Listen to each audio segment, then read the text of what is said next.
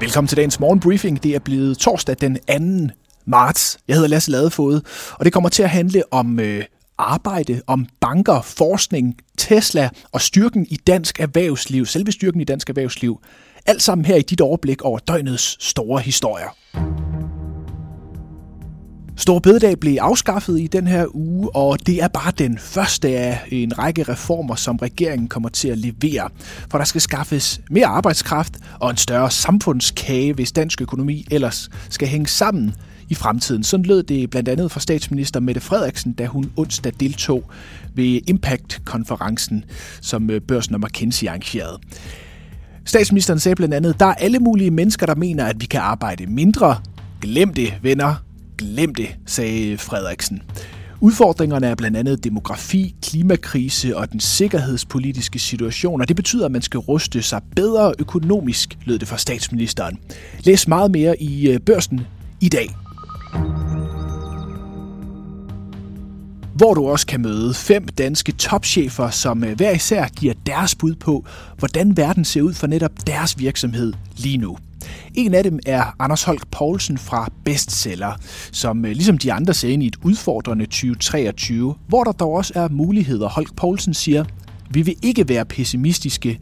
Vi tror på, at der er muligheder også i et vanskeligt marked, hvor der er meget modvind flere steder. Det er klart, at vi mere end nogensinde er i arbejdstøjet og har fokus på vores kerneforretning, siger Holk Poulsen til børsen. Mød alle topcheferne i avisen i dag. Finans skriver, at flere danske virksomheder forventer at investere mindre i forskning og udvikling end sidste år. Det skriver Finans på baggrund af en undersøgelse for Dansk Industri, og det er første gang i fire år, at øh, udviklingen går i den retning. Ifølge Dansk Industri kan det blandt andet forklares med et mindre forskning- og udviklingsfradrag samt politisk usikkerhed. Onsdagen bød også på regnskab fra Sydbank, som øh, ligesom andre danske banker tjener stort på de højere renter. Og i 2022 kunne Sydbank præsentere et overskud på knap 2 milliarder kroner. Det er det største i bankens historie. Også for 2023 her venter Sydbank et overskud i den størrelsesorden. Og ganske apropos, så øh, blev Finanssektorens Arbejdsgiverforening og Finansforbundet onsdag enige om en ny overenskomst for 41.000 ansatte, det skriver Ritzau. Aftalen den løber over to år, sikrer blandt andet lønhop i år på 4,5 procent og udvidet barsel for fædre og medmødre i finanssektoren. Et kig ud på de internationale medier. Wall Street Journal skriver blandt andet, at det amerikanske arbejdsmarked nu viser de første egentlige tegn på en lille nedkøling. Efterspørgselen på arbejdskraft er således faldende, øh, viser flere tal. Og hvis den tendens øh, bekræftes i den kommende tid, så kan det også få betydning for centralbankens rentepolitik. Lige nu der er det brandvarme jobmarked med til at holde inflationen høj, og så længe øh, den er høj, og arbejdsmarkedet stadig er stærkt, så ventes det, at Federal Reserve Centralbanken kommer til at hæve renten yderligere. Men hvis arbejdsmarkedet viser svaghed, så kan de holde lidt igen på rentepedalen, skriver Wall Street Journal.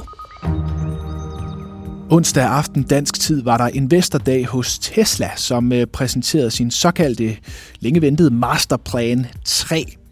Planen går blandt andet på, at øh, Tesla skal kunne øh, skalere produktionen voldsomt globalt og samlet bidrag til at vær- til en verden, der kører på øh, ren vedvarende energi, sådan lød løftet fra Elon Musk fra scenen. Uh, Earth can and will move to a sustainable energy economy and will do so in your lifetime. Det var ikke fordi, at øh, investorerne var voldsomt imponeret. Tesla faldt sådan 2-3% i eftermarkedet i USA, mens præsentationen kørte. Generelt fik aktierne en skidt start på marts måned. S&P 500 faldt en øh, halv procent onsdag, efter den 10-årige rente i USA steg til 4%. Det er første gang siden november, den er deroppe. IT-selskabet øh, Salesforce kom med regnskab efter lukketid. Den aktie ligger til en stigning på 15-16 procent efter et stærkt resultat, Salesforce.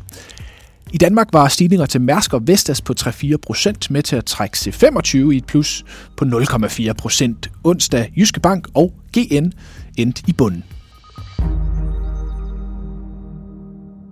Vi slutter også på Børsens Impact-konference, hvor Børsens chefredaktør Niels Lunde interviewede Jens Ries Andersen, som er partner i McKinsey. McKinsey har for nylig offentliggjort øh, en omfattende rapport om potentialet for dansk erhvervsliv. Vi kommer ind i samtalen her, hvor øh, Jens Ries Andersen fra McKinsey fortæller, hvorfor de øh, fondsejede danske selskaber, såsom Mærsk og Carlsberg med flere, har en øh, fordel lige nu. Som en del af det her arbejde har vi så også kigget på, hvordan de danske selskaber øh, har, har klaret sig her. Og der kan vi jo se, at, øh, at de danske selskaber, de er faktisk øh, nogen 4% point bedre på investeret øh, kapital, øh, og på linje med amerikanerne. Vi investerer også på linje med amerikanerne.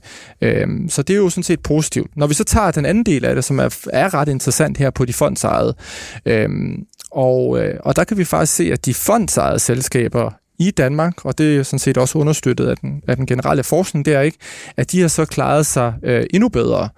Og øh, altså to ud af tre af de her øh, største 15 virksomheder i de globalt rettede sektorer, der vækstede mest, øh, altså de sidste 15-20 år, jamen de har en fond eller en andelsbaseret ejerstruktur.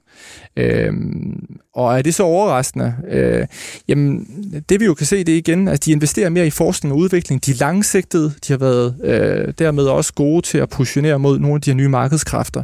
Øh, og så har de været mere robuste, øh, fordi de simpelthen også øh, jamen, øh, igennem kriser kan de godt øh, du ved, tage nogle slag, og de kan være med til at også investere og geninvestere deres overskud igennem gode tider til at bygge langsigtede markedspositioner. Det sagde McKinsey-partner Jens Ries Andersen. Du kan høre det hele i øh, podcasten Topchefernes Strategi, der hvor du lytter til podcast. Tusind tak, fordi du lyttede til den her. Vi er tilbage igen i morgen. Ha' en god dag.